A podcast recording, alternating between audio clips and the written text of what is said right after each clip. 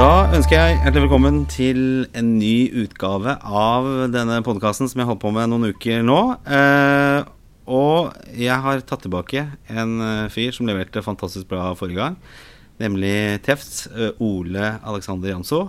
Eh, velkommen tilbake. Takk. Eh, og Vi har sittet og pratet litt før, du, før vi gikk på her. Og så har vi diskutert navnet. For jeg har jo selv vært litt i tvil om dette Guggen-navnet.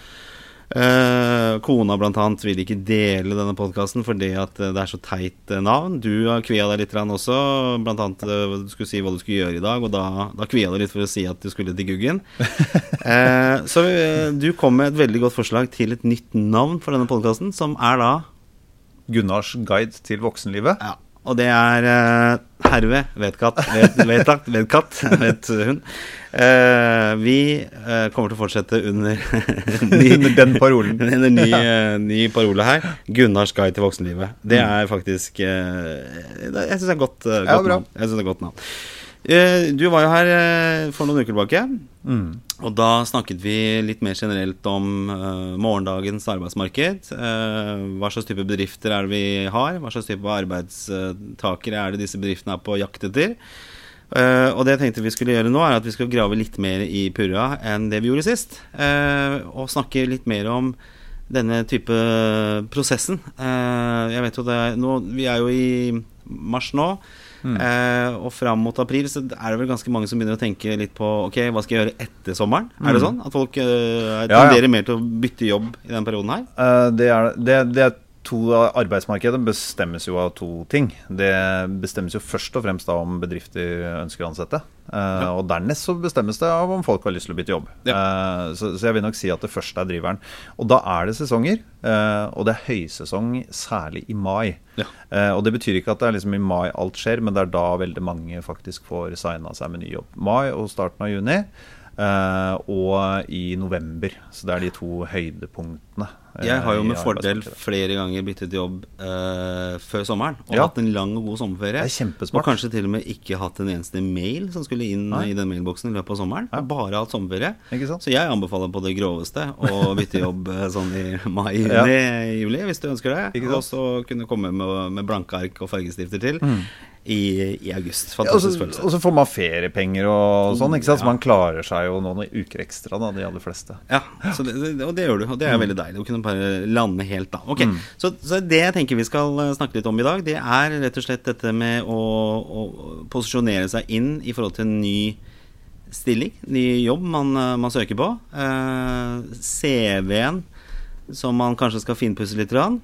Mm. Og dette med å, hvordan man oppfører seg i en intervjusituasjon. For det er jo litt spesielt. Du, du beskrev det jo litt uh, før vi gikk på her, sånn, hvordan den prosessen egentlig er når en bedrift søker en, en arbeidstaker. Uh, ja. Mm. Og hva du uh, helst vil si, men kanskje ikke kan si i en sånn Mm. prosess. Du må liksom holde deg litt tilbake. Ja. uh, ja, hvor, hvor, hvor begynner du? Du, har, du ser en stilling, du har lyst på eh, ny jobb. Hva Jeg jobber jo, jobber jo masse med markedsføring av stillinger. Eh, og da er jo For oss som driver med det, så handler det ikke så mye om de som er jobbsøkere.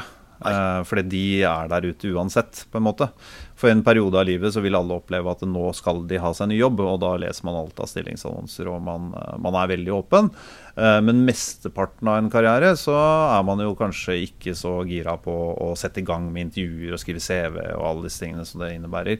Og da er det jo jobben til sånne som meg da, å prøve å si dette da, at men du burde kanskje vurdere å få mer ut av evnene dine, få deg et nytt miljø, tjene mer penger, hva det skulle være, som er på en måte payoffen i, i, i det å bytte jobb. Så det kaller vi jo passive, passive jobbsøkere, kaller Ja, vi det. ja. De er jo ikke jobbsøkere i det hele tatt, men Og passive kandidater. Og litt headhunting. Eh, Ja. er som Det er det, og det, det er jo det er fascinerende, fordi det er jo en sånn eh, Alle eh, lever jo fortsatt i den tro at telefonen ringer en vakker dag, og så får du den jobben du virkelig Den, den som henger høyest. Eh, og så har nok markedet blitt litt annerledes med årene. Um, vi har jo mye mindre Vi har mye mindre sånn tipsing mellom familie. Du får ikke jobb av fattern lenger. Liksom. Mm, det, og det, om du gjør det, så kan det til og med være litt sånn halvkleint. Så i dag så handler det eh, like mye om å på en måte ha et stort nettverk som kan hjelpe deg med jobb når du trenger det, men også det å, når du bestemmer deg for å flytte på deg, å være litt åpen. Mm. Eh, det er jo som å kjøpe bil. ikke sant? Altså Du tenker jeg skal ha, kjøpe meg en ny bil, og så og så ja, kommer lørdagen, typisk, og så tar du en tur i bilbutikken. Du besøker ikke én bilbutikk den dagen. Du tenker at her er penga jeg skal bruke på bil, og så besøker du flere forhandlere. Kanskje også noen av de merkene som du ikke tenkte at du skulle vurdere. Uh, stikker du innom, og så finner du ut. Og så plutselig, før du veit ordet av det, så sitter du i en BMW eller en Skoda eller hva det er. Som, helt annet enn det du tenkte. Ja. Men hva hvor, hvor, Altså, jeg tenker det der, Hvis du ser et selskap du har lyst til å jobbe for, da. Mm. Uh, kan du sende en mail og så si at her har jeg veldig lyst til å jobbe? Mm. Er det litt for direkte? Er det liksom sånn som når du er på sjekkeren at du, du skal ikke egentlig si at du er for interessert heller? Ja, det, mange kandidater er bekymra for det. Jeg registrerer at man, liksom, man er redd for å være for, eh, for ivrig. Ødelegger jeg mulighetene mine hvis jeg søker på Eller hvis jeg melder interesse for selskapet og ikke for jobben osv.? Jeg vil i all hovedsak si nei. Eh, du vil ikke ødelegge noen muligheter ved å være litt frampå. Eh, men jeg tror veldig sjelden at det fører fram, i hvert fall på kort sikt. Fordi det, det å ta inn en ny ansatt, da, det er alltid en ganske stor prosess. Det handler om mye mer enn selve rekrutteringsprosessen. Det kan ha gått uh, måneder og år før man får plass til den personen man skal rekruttere. Ja, så det er litt sånn at hvis du er for ivrig, så er det på en måte litt sånn skremsels- uh, eller varsellampene som går hos arbeidsgiver ja, også? Hvis du forventer raske resultater på den fremgangsmetodikken der, så, så kan det hende at du kommer ut med litt feil type format i en sånn prosess, ja. Men hvis du er på jakt etter et jobbskifte, og du ønsker å liksom pleie et nettverk altså Ofte så er det jo innenfor én bransje. Vi jobber jo innenfor mm. mediebransjen, PR-bransjen eh, mm. osv. Markedsføringsbransjen. Eh, hvordan, hvordan, begynner man der da? Altså hva Altså Det første man eh, Det jeg ville gjort, da det, Jeg hadde jo skrudd opp min tilstedeværelse i sosiale medier på en konstruktiv måte. Ja, for det tenkte jeg er viktig. Hva, hva, gjør du der? Du må jo vise LinkedIn, f.eks. Hvordan Ja, altså LinkedIn er det mest åpenbare. Eh, du oppdaterer informasjon og sånn. fordi at det er også for vi som bruker LinkedIn, og det gjør de aller fleste som driver med rekruttering profesjonelt, i hvert fall. Eh, har du oppdatert informasjon på LinkedIn, så, så dukker du raskere opp i søk. Eh, så det å bruke tid på det, og virkelig sette seg ned og bruke ordentlig med tid på det Jeg mener en, en god LinkedIn-profil for en person som har vært i arbeidslivet i ti år eller mer, eh, det er ikke gjort på en time. Det er kanskje gjort på en arbeidsdag eller to eh, for å ha gjort det skikkelig, skikkelig bra. For det finnes også masse innstillinger og teknologi å sette seg inn i der. F.eks. å melde at du er det, det, trenger ikke å stå åpent på din LinkedIn-profil at du er på jakt etter jobb, men du kan flytte på en bryter, og så kan du med det si ifra til de som har det rette verktøyet hos LinkedIn, ja. at du er åpen for uh, suggestions. Men er det sånn du burde skru av og på litt, eller er det Ja, det kan du med fordel gjøre. Det er klart, hvis du har en veldig attraktiv utdanning eller erfaring, så vil du skru den av fordi at du blir kontakta ganske hyppig. Ja. Men LinkedIn er én ting, eh, og dette er jo det er en markedskanal for jobbsøkere. for å si Det sånn. Eh, det samme er jo Finn sin CV-database. Ja. Eh, opplever at den kanskje er for, for stillinger vi, vi, bruker ikke den så mye. Vi har tilgang på den, men vi bruker ikke den så mye. Men jeg opplever at der er det mye administrativt personell, servicebransjen, men også ingeniører, faktisk, mm. som, som bruker den mer aktivt. For den det er dårlig gjort å si det, men jeg opplever det som kanskje den litt mer tradisjonelle delen av arbeidsmarkedet. Ja. Som er flink til å bruke det. Men det er, for det er jo litt sånn at de, de aller fleste stillingene blir heller ikke utlyst. Så det å liksom jakte litt, eh, se selskaper du kanskje mm liker å følge de på LinkedIn, mm. uh, se hva slags type utvikling, hva, når har de ansatt mm. tidligere, uh, mm. også kan være en, en, en god, godt verktøy du kan finne i LinkedIn spesielt. da. Ja, du, du ser, du ser uh, tendenser. Vi lanserer en ny serie produkter. Altså, du, hvis, det, hvis, det, hele tiden er endringer i selskapet, så er det grunn til å tro at det blir en ledig plass. Men jeg har lyst til å si det når det gjelder dette med å lyse ut stillinger. Uh, for ti år siden eh, så var jo stillingsmarkedet i større grad styrt av det vi kaller nepotisme. Altså du kjenner noen som hjelper deg inn i jobben, eh, og det være seg familie eller nære relasjoner. Eh, og, den, og, det, og, det, var markedskanalene var ikke like godt utvikla som det der i dag. Jeg opplever ikke bare at vi gjør det, men at det er en generell endring i markedet. At de aller fleste stillinger blir faktisk utlyst. Ja. Eh, men så det, varierer det hvor flinke markedsførere de er, da, de som jobber med å utlyse disse stillingene. Men det er litt sånn som du sa i stad, at det er ikke så mange sånn kameraderistillinger lenger. At eh, man, man, vil gjerne ut, for det er så mye flinke folk også, mm.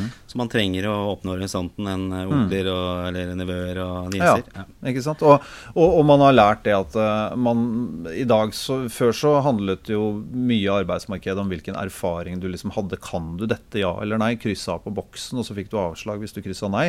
Mens i dag så handler jo arbeidsmarkedet i veldig stor grad om hvor flink du er til å lære nye ting. ikke sant? Så, så da er det evnen og egenskapen og kunnskapen til den som faktisk skal rekruttere. da, Den lederen eller det byrået eller kombinasjonen av de. Og se det at du har en kompetanse som stemmer godt overens med det de ser etter, selv om den kanskje ikke er helt lik. For du får jo opp, eh, vet jeg på, på LinkedIn, så får du opp en del sånne anbefalinger på mm. stillinger som eh, ligger der ute, som mm. passer med din profil. Mm.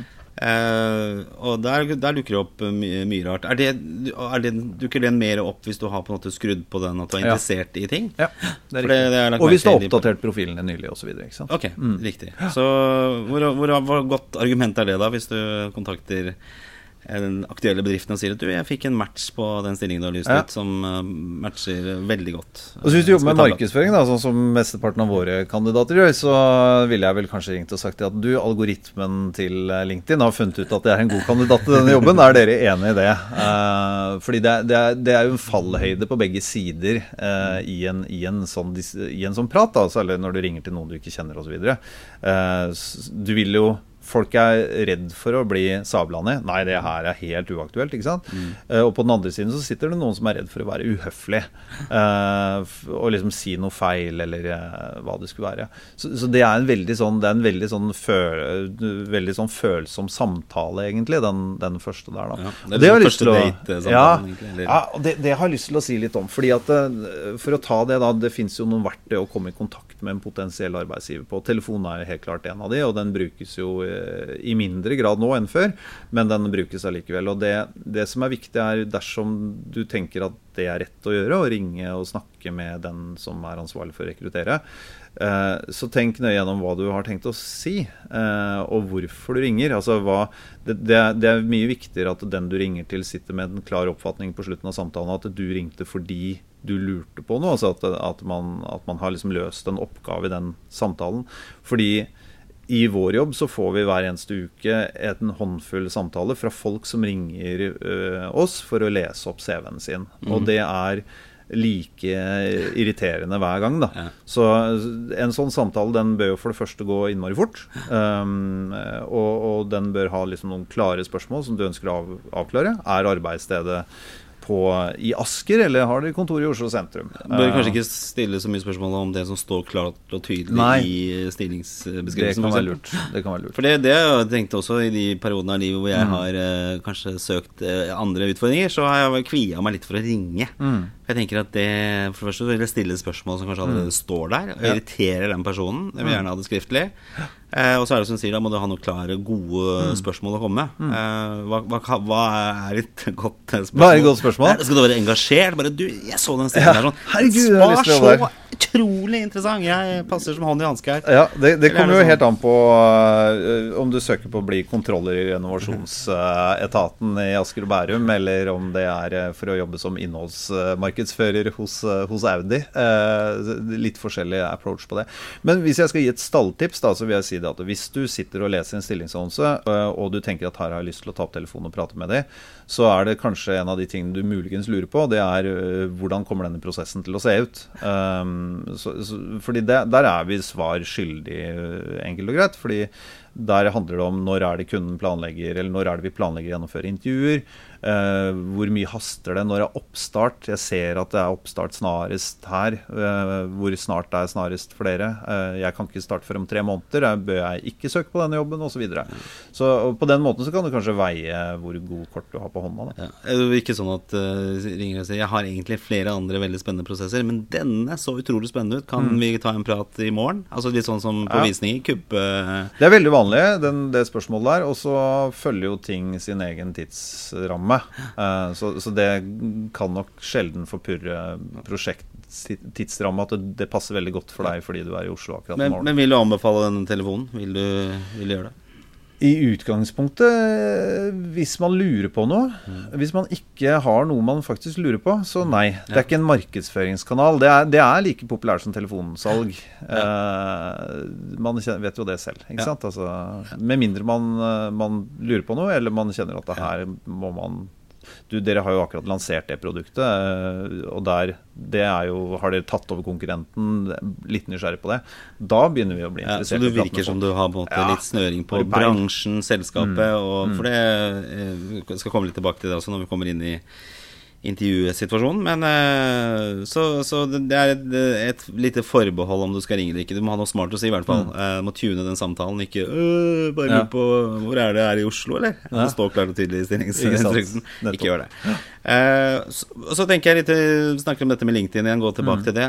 og, og holde din egen profil oppdatert. hvor viktig er CV nå, når på en måte LinkedIn blir en slags CV mm. som ligger der ute? Hvordan fungerer det nå?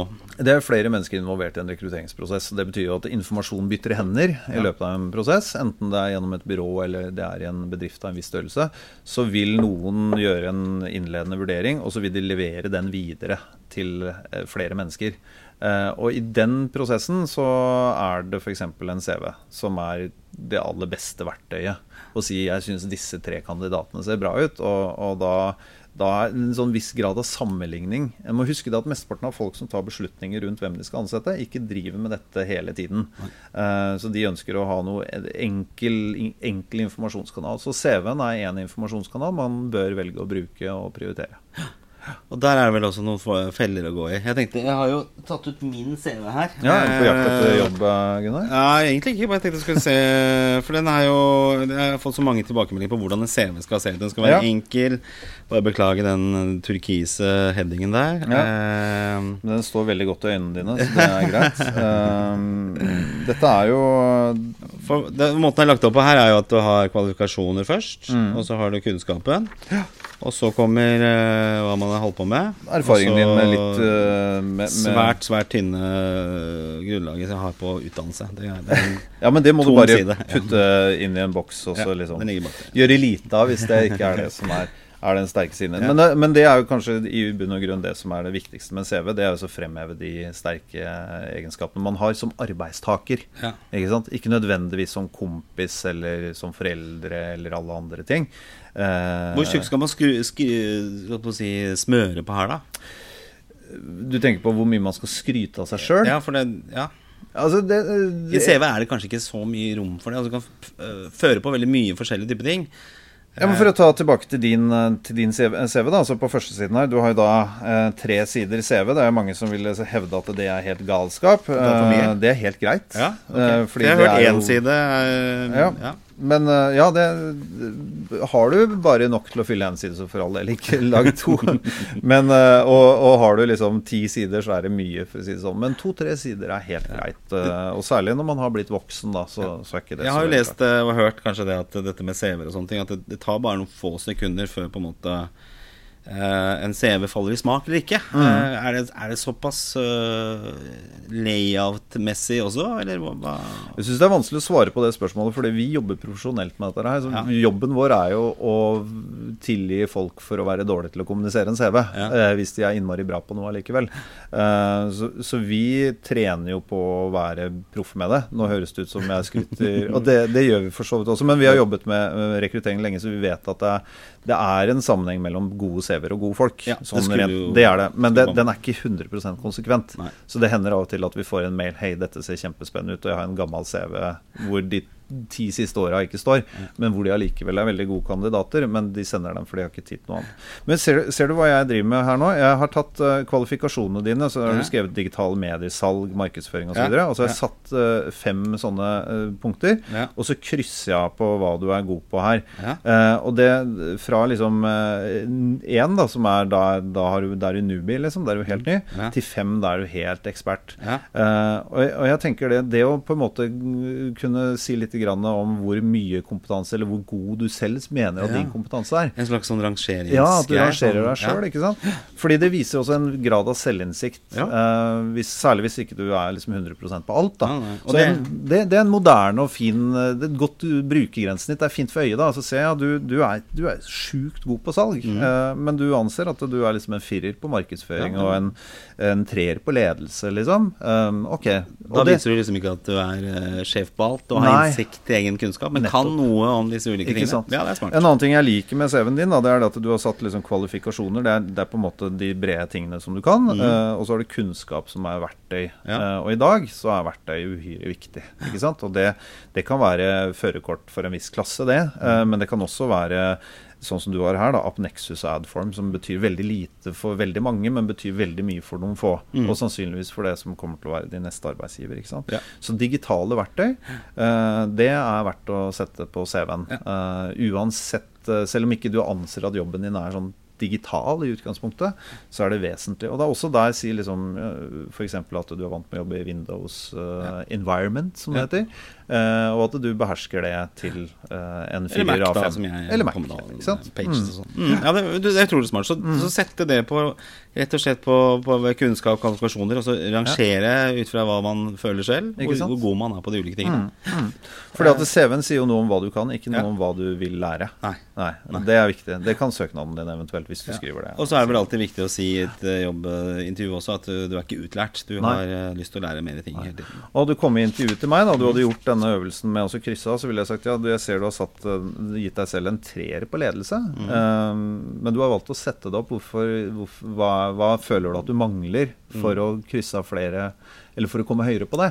Og så har vi noe å prate om. Ja, da ville jeg sagt kanskje erfaring. Eh, ikke gjort det nok. Men de gangene jeg har gjort uh, humørsvingninger.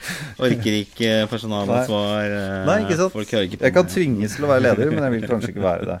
Og så har du arbeidserfaring, hvor du har satt inn firmanavnene og tittelen på jobben din. Ja. Og så har du fylt i litt informasjon om hva disse forskjellige selskapene er. Leser dere ofte hva, altså hva man har gjort, eller ser dere mer på selskapene? Hva, altså tittel, selskap?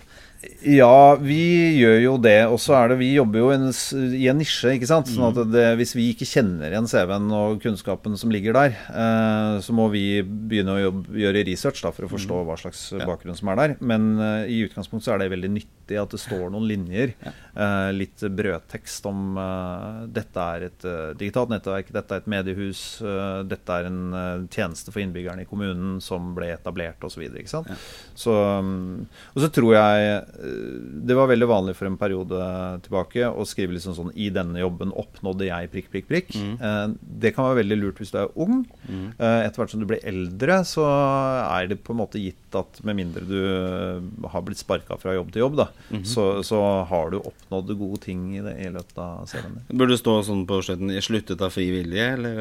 ja, i gamle dager så gjorde man det. jeg husker det. Ja, men gjør, gjør ikke det i så stor grad lenger. Så har du tatt med årstallene. Fikk ikke sparken i denne jobben. Nei, ikke sant. Du har tatt med, tatt med årstallene, og her ser jeg da ingen betydelige huller. Uh, og det er heller egentlig ikke Folk i dag har ofte huller i CV-en sin. De har vært på Bali et år, eller ja, Det angrer jeg på at jeg ikke har. Jeg har vel ikke noen huller fra 93. Jeg angrer også på at jeg har altfor lite huller i CV-en min. Så så det må jeg virkelig si. Så, så det holder lenge med årstall. Eh, liksom, jeg jobbet der fra 2013 til 2017, og i 2018 så starta jeg der. Ikke sant? For det er noen sånne CV-maler, så vet jeg at du kan setter du inn dato også. Da, du husker jo ikke alltid mm. det. Men det kommer litt an på hva slags type jobb du søker på. Det fins jo mm. selvfølgelig veldig formelle miljøer mm. som er veldig opptatt av dette. ikke sant? Og vi ser jo det, våre oppdragsgivere varierer jo fra på en måte å Uh, nøye seg med referanser og, og, på en måte en rapport. Mm. Mens andre ønsker vitnemål, bakgrunnssjekk uh, noen kredittsjekker kandidatene sine osv. Ja, ja. uh, så, så det varierer veldig. Men i utgangspunktet så burde denne informasjonen holde. Fordi eh, dersom de ønsker å vite når du bytta jobb fra Aftenposten til Egmont i 2012, Mm. så spør de om det.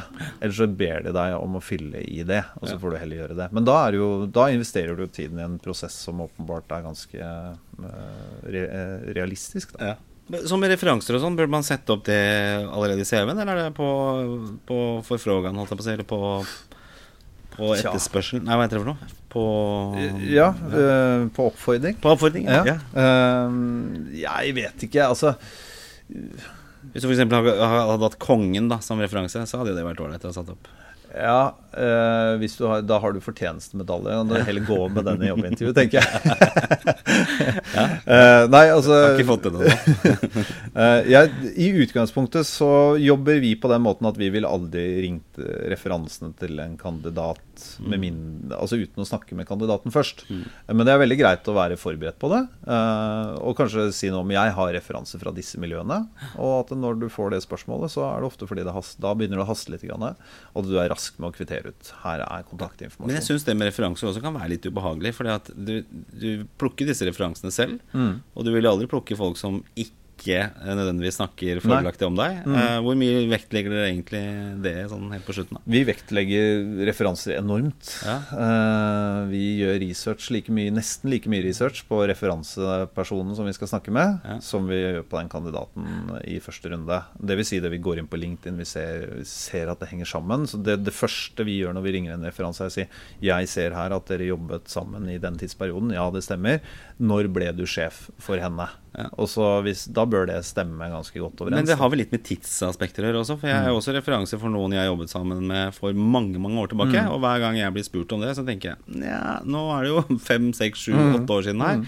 Jeg vet jo ikke noe om det som har skjedd Nei. i siste tiden. Du kan jo ha fått eh, mental breakdown og Ja. blitt eh, så, så jeg tenker at det er må jo også ha litt Og så kan kan du ikke bruke der du er, for hvis du er i en jobbprosess og søker, og du kanskje har vært der i fire-fem år da, så, så kan du ikke bruke den. For, det, Nei, du, for da hvis ikke du flagger du jobben, du hele, så- ja, hele butikken at du du skal bytte jobb. Men nei, det jeg, det jeg tenker om det, er det at øh, regelen for oss som på en måte skal levere kvalitet i prosessen, da, det er jo det at vi snakker med nærmeste leder de siste inntil fem årene. Mm. Eh, Da snakker med kona, da. Kone, nærmeste kone. Eh, men eh, så, så det, er, det er på en måte regelen. Altså det er den topp, eh, det er den toppreferansen som, som man kan gi. Eh, og så kan jo det være en utfordring, som du sier, og da må man prøve å finne andre måter å gjøre det på. Og så er det det er de færreste som har jobbet i så stabile arbeidsmiljøer at de ikke i løpet av en tidsperiode har jobbet for eller tett på en person som har en høyere stilling enn deg i selskapet, Nei. som ikke lenger jobber der. Ja, det er riktig. Eh, og det må jeg bare si. eh, de, når jeg eh, prater med referanser En referansesamtale tar et kvarter til 20 minutter. eh, følger i utgangspunktet ikke noe spesielt manus annet enn å avklare de punktene som man har eh, forberedt seg på for den gjeldende kandidaten.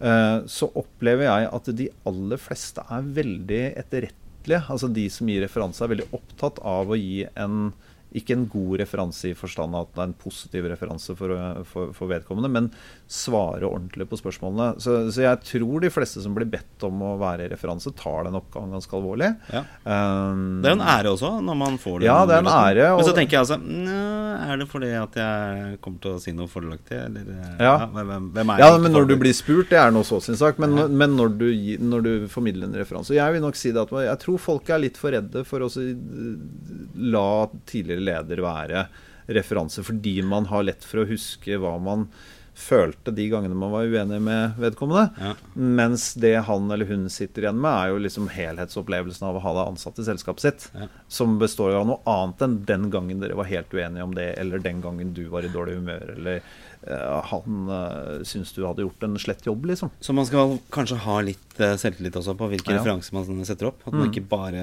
cherrypicker, men eh, Ja. at, du, at du tør å utfordre litt. Altså, Lever det som sikrer at historien er så komplett som mulig, da. ja. Mm. Hva hvis dere får en litt sånn negativ referanse tilbake, da? Og konfronteres arbeidssøker med det, eller? Eh, hmm. Det kommer litt an på hva det går i, Ja. rett og slett. Uh, men veldig ofte så gjør vi jo det. Ja. Altså vi, vi strekker oss jo for å gjøre det. Uh, og vi spør jo også referansen er, dette, er det ok at jeg tar dette opp med vedkommende. Hvordan foreslår du at jeg prater med han eller henne om akkurat det du sier nå? Ja.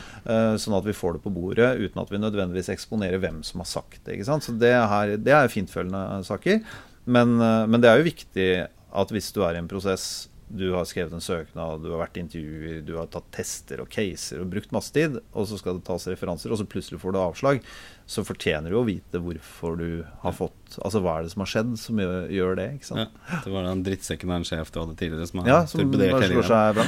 Men, vi, eh, men vi, vi er jo opptatt eh, Vi er jo opptatt av det at folk ehm, Eller vi, vi mener jo at folk stort sett er etterrettelige. Mm. Og med den holdningen og med den erfaringen at det er sånn, så merker du veldig fort hvis noen er sånn Ja, men jeg hørte at hun fikk sparken i den forrige jobben sin fordi at det var noe mislighold der. Det er sånn, Da arresterer vi jo referansen, referenten, da, for å kalle det, på det. Nå må du være tydelig. ikke sant? Hvem, Hva er det som skjedde?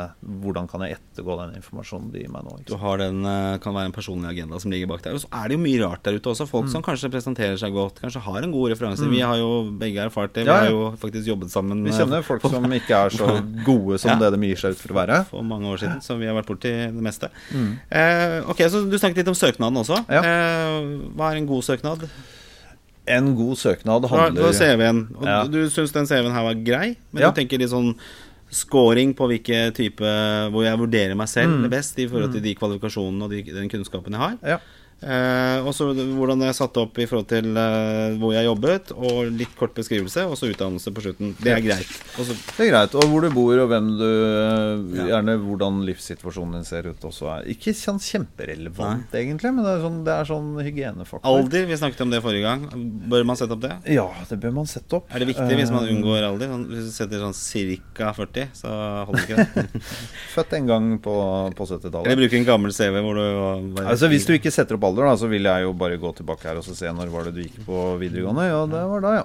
Da vet jeg hvor gammel du er. Så det er enkel matematikk. Det er sjelden vanskelig. Ja. Eh, Men, men layout-messig, sånn finne gode løsninger, at det skal det, flashe litt, rann, er, det, Ja, er det viktig? Dette eller? er jo dødskjedelig. eh, er Men kjedelig. igjen, som jeg sier, dette er jo et, dette er jo et, eh, et dokument som handler om innhold, Ja. ikke om fremføring. Ikke sant? Så, så det syns jeg er helt ok. Men hadde du merket deg fargen på headingen ganske tidlig? At den er ikke bra? Det er et eh, utradisjonelt valg, kan man si. Det jeg syns, det jeg syns du i tillegg kunne koste på deg, det er jo LinkedIn-profilen din. Ja.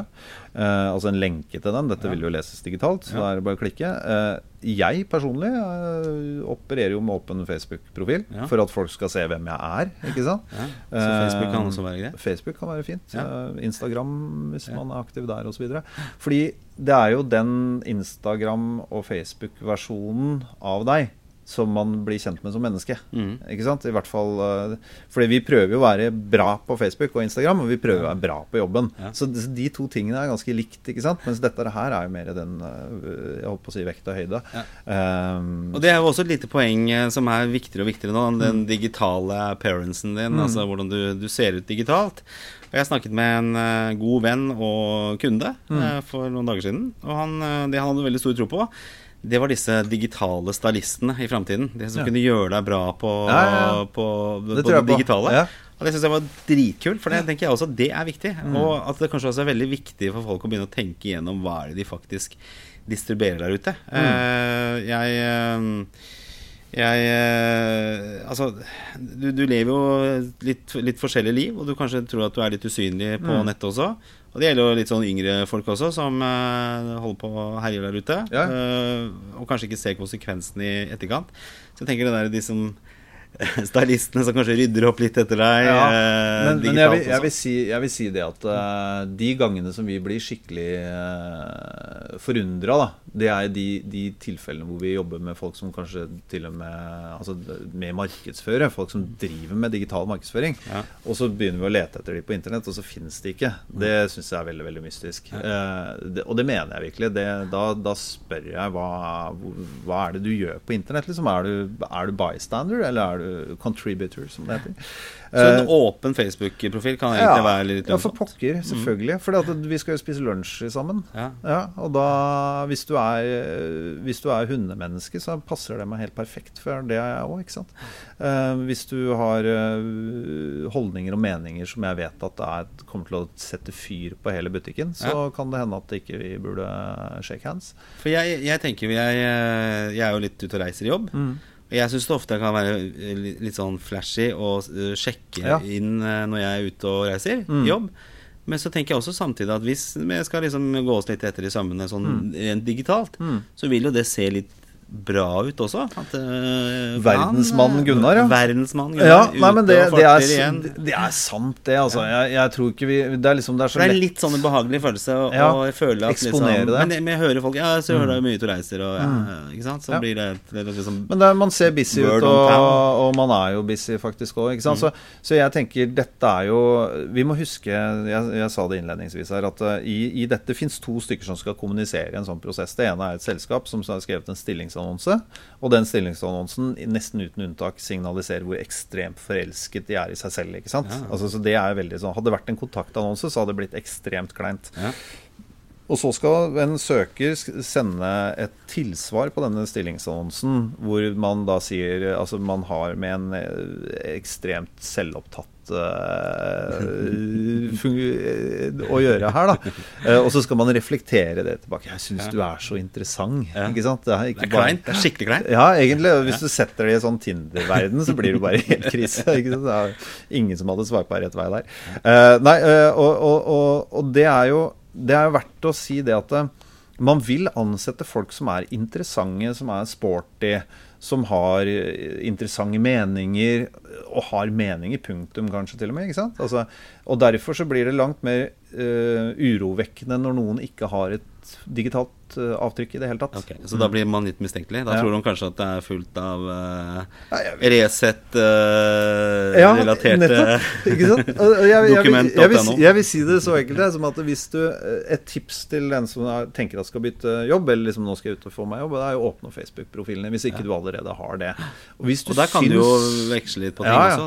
Men, men hvis du syns Hvis du tenker at det som står på Facebook-profilen min, ikke reflekterer Ikke vil skaffe meg jobb i de rette miljøene, da må du enten begynne å søke jobb i andre miljøer, eller så må du ta liksom varetelling eh, på andre sida, tenker jeg. Fordi, eh, fordi det her er livet vårt. Det, er, det er sånn det ser ut. Og særlig folk i vår alder. Vi, vært, altså, vi er jo de klart mest ukritiske til sosiale medier. Det er jo folk i 40-åra over. Ja. Eh, ungdommen er jo langt mer tilbakeholdne. Det er mye vanskeligere for oss å finne digital historikk på en 25-åring enn på en 45-åring. ja, For de bruker ikke Facebook eh, i samme grad de bruker Snapchat, og det blir borte. Og de er forsiktige. Ja, de er forsiktige. Er, de er helt, eh, helt annerledes på det. Så unge mennesker um, I starten når vi begynte å prate om dette, så, så ble vi forundra over at de hadde lite digitalt avtrykk. Uh, og det tenker jeg for, for Er du ung, så sørg for at du har et bra digitalt avtrykk. Ja. Ja. Så sunt, å og kom deg kanskje på LinkedIn tidlig også. Eh, Viktig. Men kom Også- deg på Instagram. Det er en eller annen grunn sånn der, Det synes jeg For meg så er det en av de liksom, litt sånn abstrakte sfærene hvor jeg Ja. føler at vi, vi blir litt kjent med folk. Da. Ja, det syns jeg. Og det, jeg liker jo den langt bedre enn jeg liker mm. Facebook. Det, eh, mens jeg er jo veldig interessert i teknologi og Mm. alt dette her, og spennende og sånn, men Snapchat har jeg aldri fått helt uh, draget på. Det sveiper alle mulige veier og finner Nei, gamle. Datteren min er bare Ja, du kan gjøre sånn, sånn og sånn. Og så, ja, men gjør jo det! Ja, ikke Ok, sant? eh, Så et, et sunt digitalt avtrykk Mm. er, er viktig. Eh, og kanskje liksom tenke gjennom det også i dagliglivet. At eh, du, du setter jo et digitalt avtrykk. Mm. Jeg er personlig veldig skeptisk og gjør det aldri. Legger ut noe som har noe med politikk eller meninger Mm. å gjøre. Jeg syns ikke det er arenaen å trykke sånne type ting ned i i halsen på folk. Eh, Jeg tenker at det, kan være litt smart å tenke litt igjennom hva Og du kan mene en del ting, men du nødvendigvis ikke behøver å Nei. sette det digitale Man, man trenger på en måte ikke å være en fanebærer for alt mellom himmel og jord. Men jeg, tenker, jeg tror jo det at hvis det er ting man føler så sterkt rundt at det er en del av Altså det er, det er ting du ønsker å prate om. For det igjen, ikke sant, du tilbringer mange timer på jobb, så du kommer til å prate om de tinga som opptar deg eh, i de fleste arbeidsmiljøer. Og da, da er det helt betimelig, enten du har sterke meninger om miljø, innvandringspolitikk, eh, andre ting. Folk flest har meninger, da. Eh, og, og eh, intoleranse er vel det eneste det er lav toleranse for. Ja. Nei, det er mye, det er mye rart, altså. Det, ja, Ja, det sånn er det. Men du spurte om, du spurte om søknaden. Ja, søknaden, for nå har vi CV-en og digitalt avtrykk. Ikke sant? Er det. Det, det, er, det helhetsbildet. Og så kommer søknaden. Og det, den, den igjen, som jeg var inne på å si, en stillingsannonse handler jo om noen som er ekstremt forelsket i seg selv. eh, som ønsker å få en partner som, eh, som er like Som liksom kan videreføre det. Eh, og da bør nok rett og slett, for å være helt ærlig, søknaden også bære litt preg av det. Så en søknad bør i større grad handle om det selskapet du søker hos, enn nødvendigvis deg sjøl. Ja. Uh, og liksom den klassiske fella hos nyutdannede er sånn Jeg tror jeg kan vokse stort, og min bachelor eller master i et eller annet fag som en eller annen som leser søknaden ikke har noe forhold til, er veldig sjelden tunge salgsargumenter. Det som derimot er et, uh, en god måte å gjøre det på, er å være en god selger og så si det jeg ser dere har behov for dette. Jeg forstår at det er derfor. Dette tror jeg kan imøtekomme på denne måten. Uh, og keep it short and simple. Altså Søknaden i dag Før så var det jo liksom et Word-dokument med innrykkede marger og liksom veldig sånn strenge regler for det. Uh, vårt søknadssystem er jo en tekstboks. Ja. Ja. Uh, og noen skriver jo kjempelangt, og noen skriver veldig kort. Eh, noen av de som skriver kjempelangt, liker å skrive og skriver veldig bra. Uh, noen av de som skriver veldig kort, er redd for å skrive.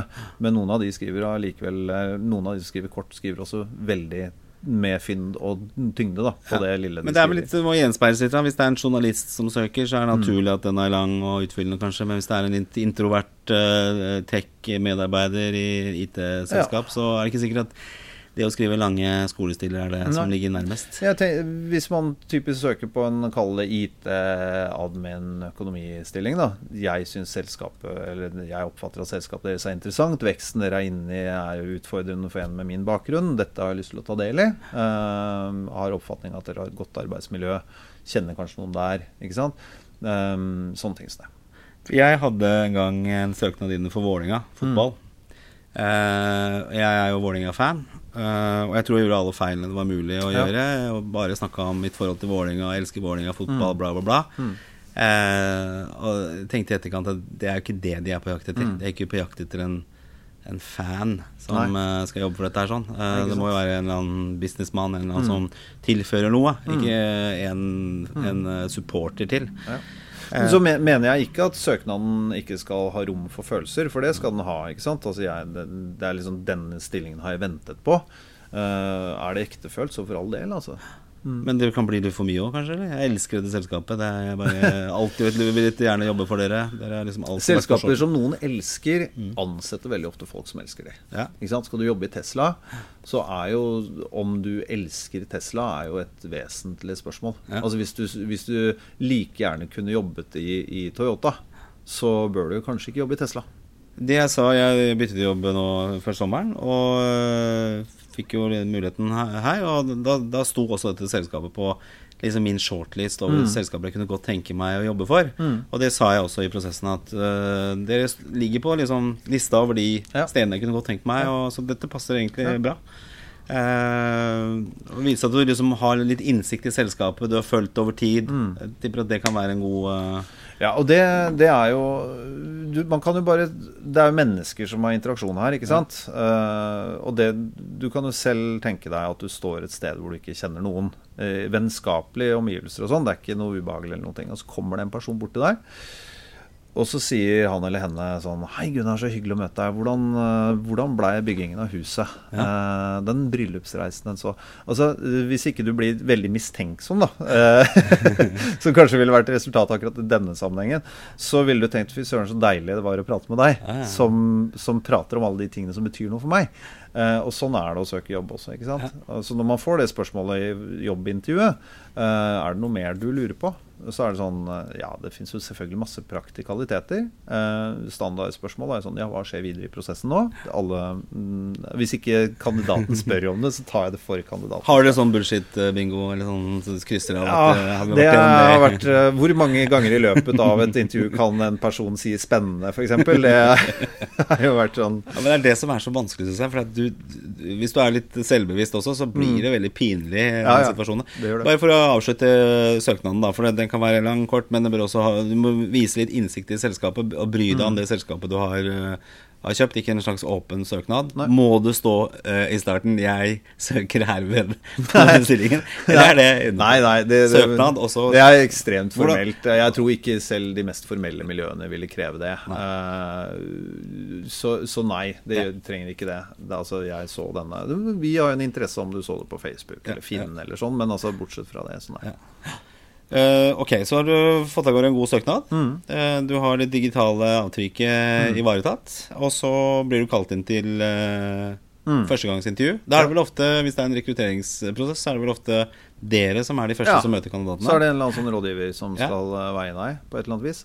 Um, og da er spørsmålene er sånn Hva skal jeg ha på meg? Eh, ingen spør når de skal komme. De, de kommer vi, avtalen er jo at vi skal møtes klokka to, og så kommer de halv to for å være på den sikre siden. Uh, det passer veldig dårlig for de fleste. Enten du går til et byrå eller du går til en bedrift, så er det sånn det passer veldig dårlig å få besøk en halvtime før enn Ja. du hadde tenkt, fordi folk er opptatt. Uh, så, så jeg vil jo si begrepet presis i ordets rette forstand kom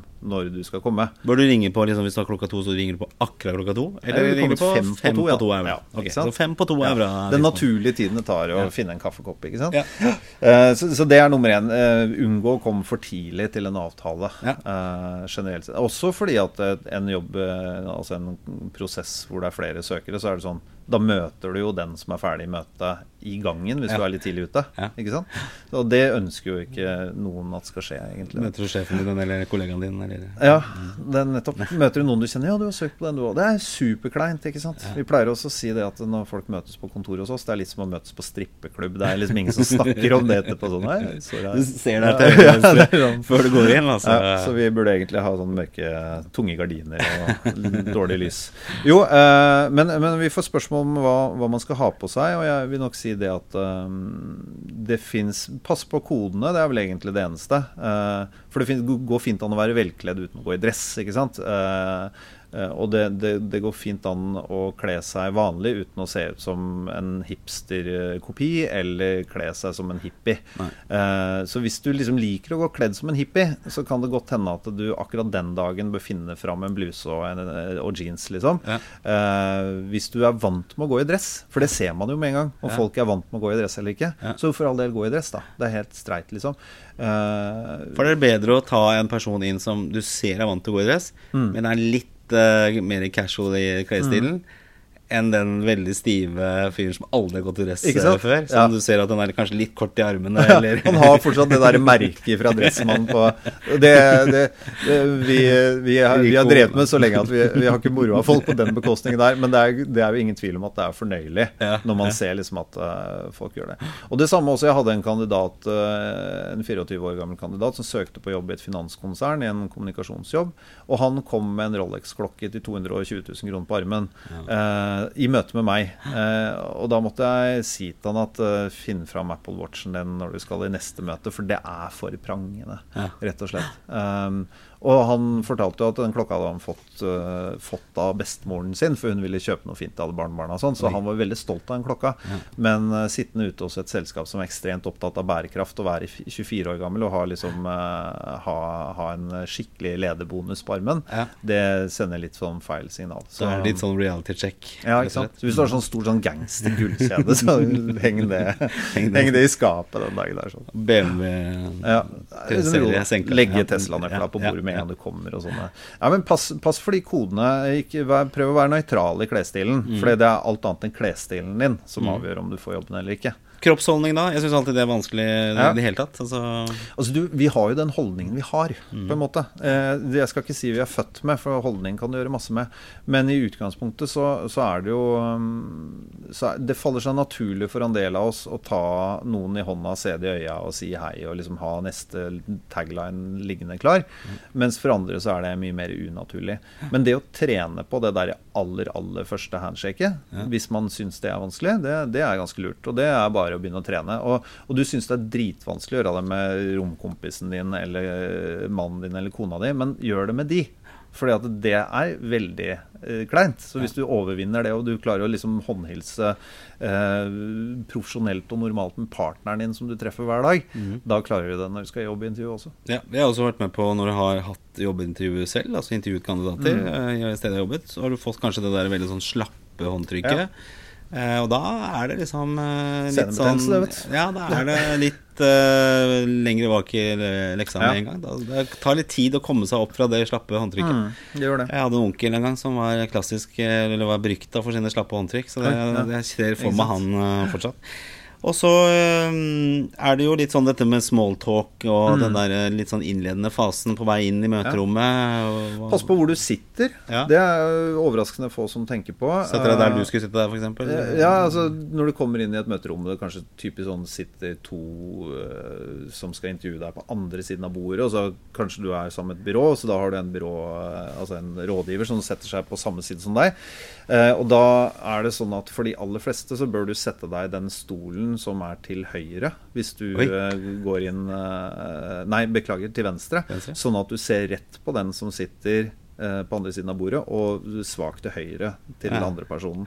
Fordi det er den gode siden vår. Okay. Det er der vi er mest kraftfulle, og det er Ja. sånn folk opplever Altså, Det er gjort forskning på det, og folk opplever at folk som har deltatt i samme møte, gir forskjellig score på hvor bra møtet er, avhengig av på hvilken side av den personen som de intervjuer. Ja. eh, Det er som når du er på kino med en dame i gamle dager. Så man går best til høyre med armen, liksom. Ja, ikke sant. eh, Det er noe med det. Nei, men det, det, er, og det, det er veldig sånn. Og hvis ikke konfigurasjonen i møterommet er satt når du kommer inn, så er det bare å stå helt rolig og, ta det rolig. Ja. Inntil du får A beskjed om å sette deg, eller du ser at nå, nå kan jeg sette meg på rett sted. Ja. Og så gjør du det. Ikke sett deg på enden eh, f.eks. det, folk gjør det. Altså, det er veldig mye rart. Og, kan ikke du bare sette deg der, da? Liksom? Det, du vil ikke ha den korreksen. Styrelederplassen mm. en gang. Ja, Mm, den stolen har satt alltid min far i. Ja, riktig. Men så bra. Og da, da setter du deg til venstre, den stolen når du kommer inn. Ja. Så du har høyre side inn mot uh, der det skjer. To beslutningstagere. Ja. En du ser rett i øya, og en du må se litt til høyre for å se på. Mm. Uh, og så er det dette med smalltalk og sånn.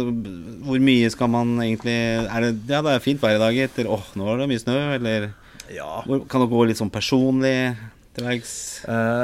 det er jo sånn at du har blitt innkalt. Det er jo de som skal spørre deg om noe. Ja. Ikke sant? Så, så jeg, man skal nok ikke stresse for Nei. mye med å ta Vær rolig. Hold kjeft til noen snakker til deg. Ja, liksom Vær naturlig og rolig med det. Er du en som ikke smalltalker, så ikke gjør det. Du Overlat til de å liksom ta opp ja, Fant du veien? Ikke sant? Altså, vi har jo Nei, jeg fant ikke veien. vi, vi, har jo, vi, vi som jobber et sted, da, vi har jo 100 sånne opening lines på Ja. det der. Det kommer helt naturlig.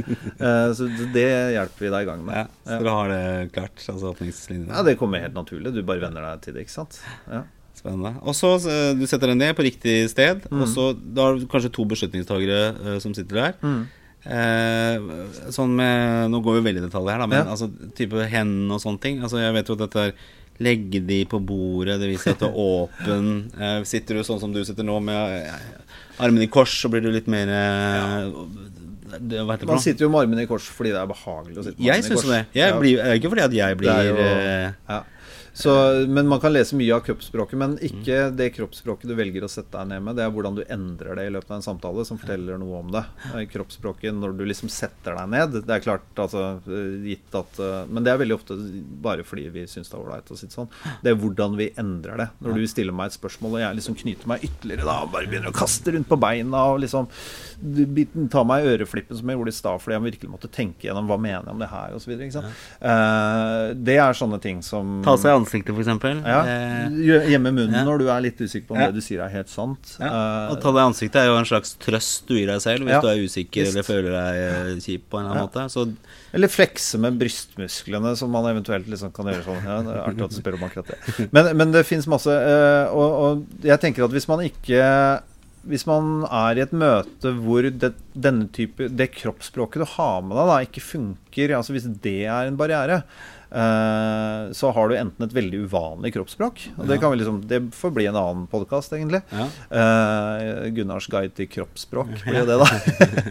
Ellers så, ellers så, så er man liksom på litt sånn feil sted. Jeg, jeg, jeg, har et veldig, jeg er veldig urolig selv. Ja. Og sitter i forferdelig mange møter i mitt liv. eh, og sliter med liksom å miste nærmest bevisstheten når jeg kjeder meg. og sånn, Så jeg er veldig innfallsrik. Eh, så jeg sliter med å sitte stille. Men jeg har lært meg å sitte stille. Ja. Eh, og jeg ser jo hvordan effekten av det er. Sånn at jeg av og til må minne meg på at eh, nå må, jeg, nå må jeg røre på meg for å vise at jeg er at jeg er i live i gåstegn. For jeg kan sitte rett opp og ned og høre på deg prate. Uh, og effekten av det er ganske besnærende, uh, fordi folk oppfører seg ganske annerledes. Men De blir vel litt usikre hvis du bare sitter helt stille og ja, ser på de også? Men det er noen tusen timer med møtetrening da, som skal til for å begynne å virkelig studere på de tingene der.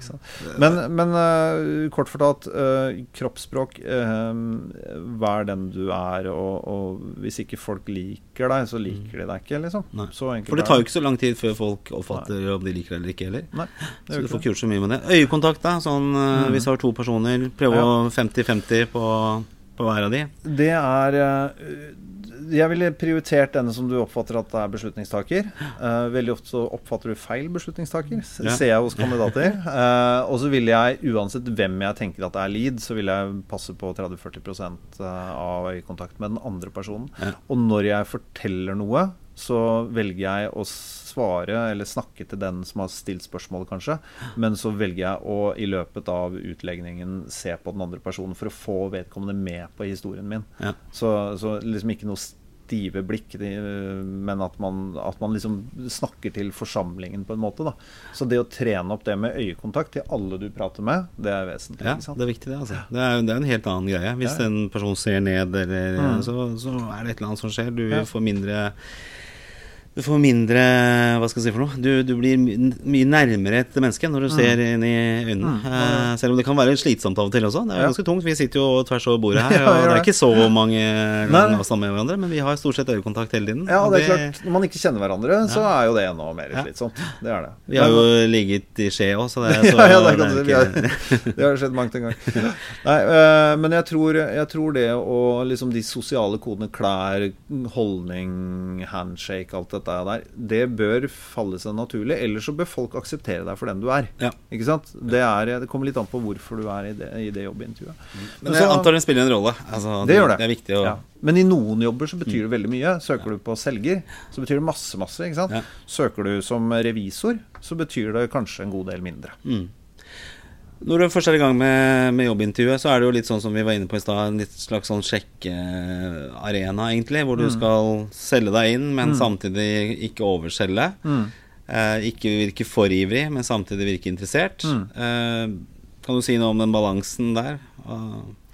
Det er kanskje vanskelig å definere, men, det er, ja, men den er jo viktig. Ikke, det er ikke så veldig vanskelig å definere. Fordi er, du kan stille deg selv spørsmålet om du har stilt spørsmål. Mm. Hvis du spør hvis du faktisk spør om ting som den du snakker med, har på en måte en, en, en engasjement i å svare på, da, da gjør du mye riktig. Uh, så, så, en, uh, så, et jobbintervju det kan jo naturligvis arte seg veldig forskjellig. Noen er veldig skjematiske. Her skal vi gjennom Jeg har en guide her. Jeg skal stille deg disse sju spørsmålene, og om 20 minutter så er vi ferdig med det, og da kan du gå. ikke sant?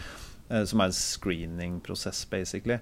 Og da er det jo bare rett opp og ned å svare, sånn at vedkommende får fylt i skjemaet sitt. Nå håper ja. jeg det er lite av det rundt omkring, men jeg vet at det forekommer. Det fins skjemaer. Ja, eh, og så kan det hende at det var det første fasen i en prosess som viser seg å bli veldig spennende og resultere i en veldig god jobb i slutten, bare for å ha sagt det. Ja. Så det er ikke noe galt med de som gjør det på den Nei. måten, men det er en måte å gjøre det på. Det er én type intervju. En annen type intervju som vi vel opplever at det er gjeldende øh, standard i, i vår bransje, i hvert fall, det er denne dialog... Ja, da forteller vi litt om selskapet som vi ja, derfor driver vi med dette og sånn. ikke sant? Altså En arbeidsgiver som egentlig selger seg inn til en mm. søker, en, mm. gir mer informasjon. Uh, og, uh, og, forhåpentligvis motiverer. Uh, og så er det din tur til å fortelle om deg sjøl. Og da pleier jeg å si det at for, tren på så at vi så på CV-en din i stad. den CV-en her kan fortelles på, på to måter. Mm. Um, og ideelt sett så bør den jo fortelles med jeg ville, jeg ville, sagt ja, du ser jeg har jobbet, eh, vært yrkesaktiv siden liksom tidlig 2000. Uh, eh, men det er jo kanskje de siste de siste sju-åtte årene som er relevante for dere. Så jeg kan jo kanskje videre at jeg starter å fortelle om hva jeg gjorde her. Mm, eller videre at jeg tar det fra starten av. Helt fra starten av. Ja. Uh, og, og, litt avhengig av hvor erfarne og trente de er, de som intervjuer, så vil du få et svar på det. Men i utgangspunktet så er de jo opptatt av hva du har gjort de siste tre-fire årene. Ja. Men trent på å fortelle CV-en din med hva du gjør i dag, og bakover.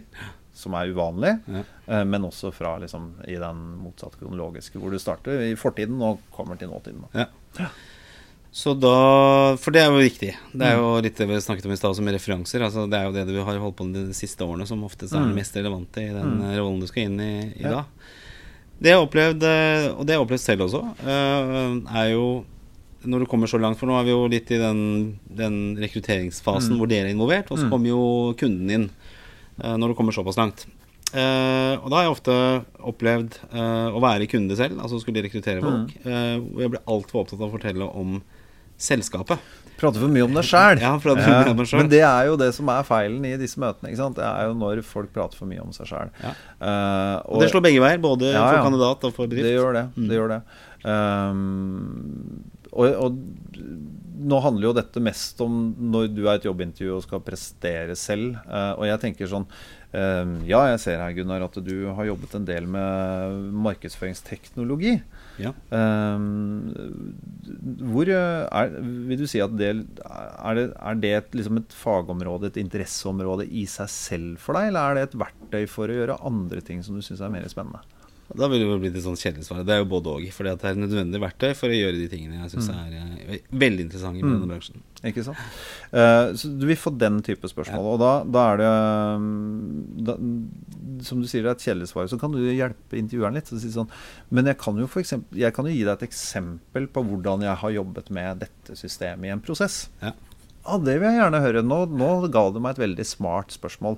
Fordi når du sitter i intervjuer, så går du tom for smarte spørsmål hele tiden. Ja, ja. man syns man stiller tåpelige spørsmål. Uh, og da, da, er det fint da, sånn Dette kan jeg fortelle mer om hvis du vil. Uh, jeg har et eksempel på det uh, osv. Hvis man klarer å liksom komme med de, så vil man bli uh, ganske godt likt. For man gjør det også enklere for den som intervjuer. Ja, det vil jeg tro. Mm. Istedenfor at du sitter og går gjennom skjemaet ditt ja. og stiller de samme spørsmålene som du har stilt 10 eh, 000 ganger før. Mm. Så det differensierer seg, faktisk ha gode spørsmål, forberede mm. Og det handler jo litt om allerede fra søknadsprosessen. Mm. At du faktisk vet hva denne bedriften holder på med. Mm. Det har jeg også opplevd av kandidater som har kommet inn, søkt, CV-en ser grei mm. ut, uh, og så kommer de inn, og så har de, de aner ikke hva vi holder på med. Nei, de, de har bomma fullstendig. Og det, det, du sier der, det er viktig, Fordi der er det mange som feiler. Det fins uhyggelig mye informasjon ute på internett om de aller fleste virksomheter i Norge. Uh, og hvis man kommer hit til jobbintervju Det verste jeg har hørt noen gang, er liksom sånn Ja, hva vet du om oss? Uh, nei, jeg vet ikke så mye ja, har du vært og titta på nettsidene våre?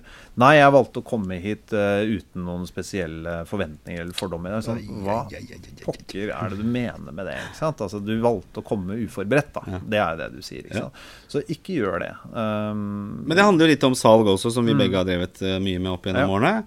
Og det er jo det at uh, Litt sånn som du var inne på i stad, at du, du, du, har gjenkjenning sånn derre Ja, hvordan gikk det med husbygging, bla, bla, bla. Mm at du har de gode spørsmålene å stille i mm. forhold til eh, den aktuelle bransjen. For mm. da viser du det at du bryr deg. Mm. Både når du skal selge noe, og i dette tilfellet du skal selge deg sjøl, mm. så viser du at du faktisk bryr deg. Mm. Og litt sånn som du er inne på da, når kandidaten en gang ikke har vært inne og kikka på nettsiden, Nei. så viser det at da bryr du deg ikke nok heller Nei, ikke om dette her. ikke sant? Det sier jo veldig mye om hva slags type person det er. Også. Og det er jo tilgjengelig, og det, det gjelder jo i alle typer stillinger og jobber i dag. Uh, altså Det er alltid tilgjengelig informasjon. Det er sånn Vet du hva, jeg har faktisk vært på nettet og lett etter selskapet. Jeg har ikke funnet en puck. Liksom, så, så, jeg er veldig nysgjerrig på dette her, for nå, nå vet jeg ingenting, og det er uventa. Men det er jo mange bedrifters hjemmesider som også sier veldig lite om hva de holder på med. Mm. Er det også noe man bør poengtere i et møte? De, de, fleste Det meste av det innholdet, det vi velger å si eh, det, det, Vi velger å si det viktigste, får jeg tro, da. Eh, så, så, de fleste nettsider kommuniserer jo med kundene til selskapet. ikke sant? Ja. Og det er jo det selskapet er opptatt av, det er kundene sine. Eh, og da er det den informasjonen man får. da. Man får jo ikke vite om hvem som lager mat i kantina, eller om det er parkeringsplass der, eller osv. Men det er jo et helt annet tema altså, for mm. der syndes jo fantastisk mye for norske bedrifter, syns jeg. Mm. Eh, det, vi snakket om digitale avtrykket mm. for deg mm. personlig, og hvordan er da bedrifters digitale avtrykk? Det er ikke mm. alltid like bra, det heller, i forhold til hvordan man framstår der. Mm. Ok, vi ser, vi, nå begynner vi å dra oss på timen her, men ja. uh, jeg syns vi har kommet gjennom veldig veldig mye. Fordi at uh, nå har vi vært igjennom uh, litt hvordan du kanskje finner fram til den jobben du mm. har lyst på. Det å bry seg om et selskap og være litt opptatt av hva de holder på med. Kanskje ta den telefonen, selv om det ikke er noe utløst stilling. Men mm. sånn som du sier også, så er det veldig mye stillinger nå som blir utløst. For det mm man går litt bort fra det ansette folk man kjenner. For det, det er, det er mange... blitt en markedsplass ja. i større grad enn det det var før. Eh, riktig. Og så er det det å Skal man ta den telefonen på en uh, søknad man har lyst til å sende inn, eller skal man ikke gjøre det? Mm. Da bør man ha noe smart å si. Mm. Og så er det god CV, og da har du allerede gitt noen veldig gode tips eh, her til min CV. Mm. Eh, og det finnes jo ganske mange fine CV-maler der ute også, mm. som man finner. Eh, vær tydelig på det. Eh, og så er det litt sånn forskjellig eh, om man skal ha en tresider eller en ensides. Mm. Mm. Litt forskjellig politikk på det. Ja. Og så mm. har du dette å um, holde, holde ditt digitale avtrykk uh, ved like. Mm. At det, det, er viktig. Mm. Og så um, Ja, er det noen andre tips sånn helt på tampen som du vil uh, fremlegge? Nei, altså, som, jeg, jeg, tror det viktigste er det at dette markedet har forandra seg de siste årene. Og det gjør at uh, antallet volumet med stillinger som er der ute, er mye større. Uh, det er ikke fordi det nødvendigvis er så mye større arbeidsmarked, men det er fordi at mange flere markedsfører det. ikke sant? Så man må nok, uh, skal man ha jobb i dag, så tror jeg det er veldig dumt å bare vurdere liksom, den første og den beste. vi jobber jo med det på motsatt måte. Vi vurderer jo aldri bare én kandidat til en stilling. Vi vurderer jo alltid veldig mange kandidater til en stilling. Og sånn bør også kandidater jobbe. Og det, det tror og håper jeg det er forståelse for de aller fleste steder. At når du først, liksom, når du først begynner å jobbe med å bytte jobb, da, så skal du jobbe ganske bredt. Og så har jeg lyst til å si en ting i den forbindelse. og det er jeg har tatt mange telefoner til folk som har, sitter i gode jobber i gode selskaper og ikke har noen grunn til å bytte jobb, eh, objektivt sett. Eh, og, og liksom uh, frista de med en stilling, en titel, eller en bedre tittel, sannsynligvis høyere lønn, eller hva det skal være for noe. Uh, og det jeg pleier å si til de er det at du må være klar over at i det øyeblikket du liksom vurderer denne enkeltstående muligheten, så vil du også begynne å uh, rasjonalisere hvorfor du skal slutte. Mm. Du begynner også å liksom se etter støv i krokene på jobben der du er i dag. Så når du åpner opp for å gå inn i en prosess fordi noen har ringt deg, f.eks., eller sendt deg en mail, så vil en del av hjernen din, eh, den primitive delen av hjernen din, begynner å fortelle deg hvorfor det er smart å foreta en endring. Da.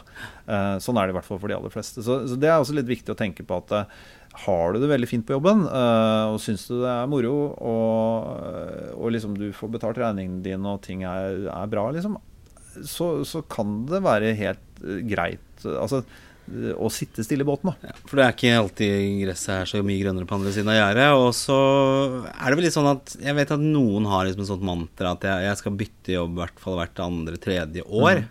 Eh, personlig så har jeg aldri følt det på den måten der. Jeg, jeg er jo litt sånn at uh, jeg trives et sted, så kan det godt være der fire-fem-seks mm. år før det på en måte begynner å bli aktuelt med noe nytt. Mm. Så jeg tror det siste poenget der er jo veldig viktig. Altså mm. det å faktisk stille seg det spørsmålet Vil jeg bytte for å bytte? Ja. Og i så fall, hvis jeg bytter, beveger jeg meg sideveis, mm. eller beveger jeg meg oppover? Ja.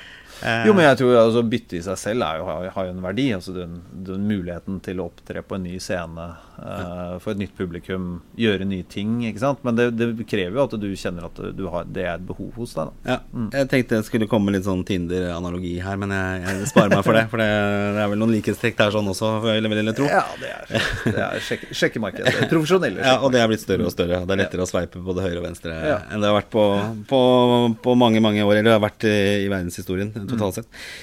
Eh, Ole Alexander Janso, nok en gang utrolig hyggelig å være her. Ja. Jeg føler at jeg har lært eh, fantastisk mye. Eh, og vi har også da i samme øyeblikk revitalisert navnet på denne podkasten, ja. som nå fra i dag kommer til å hete Gunnars guide til voksenlivet.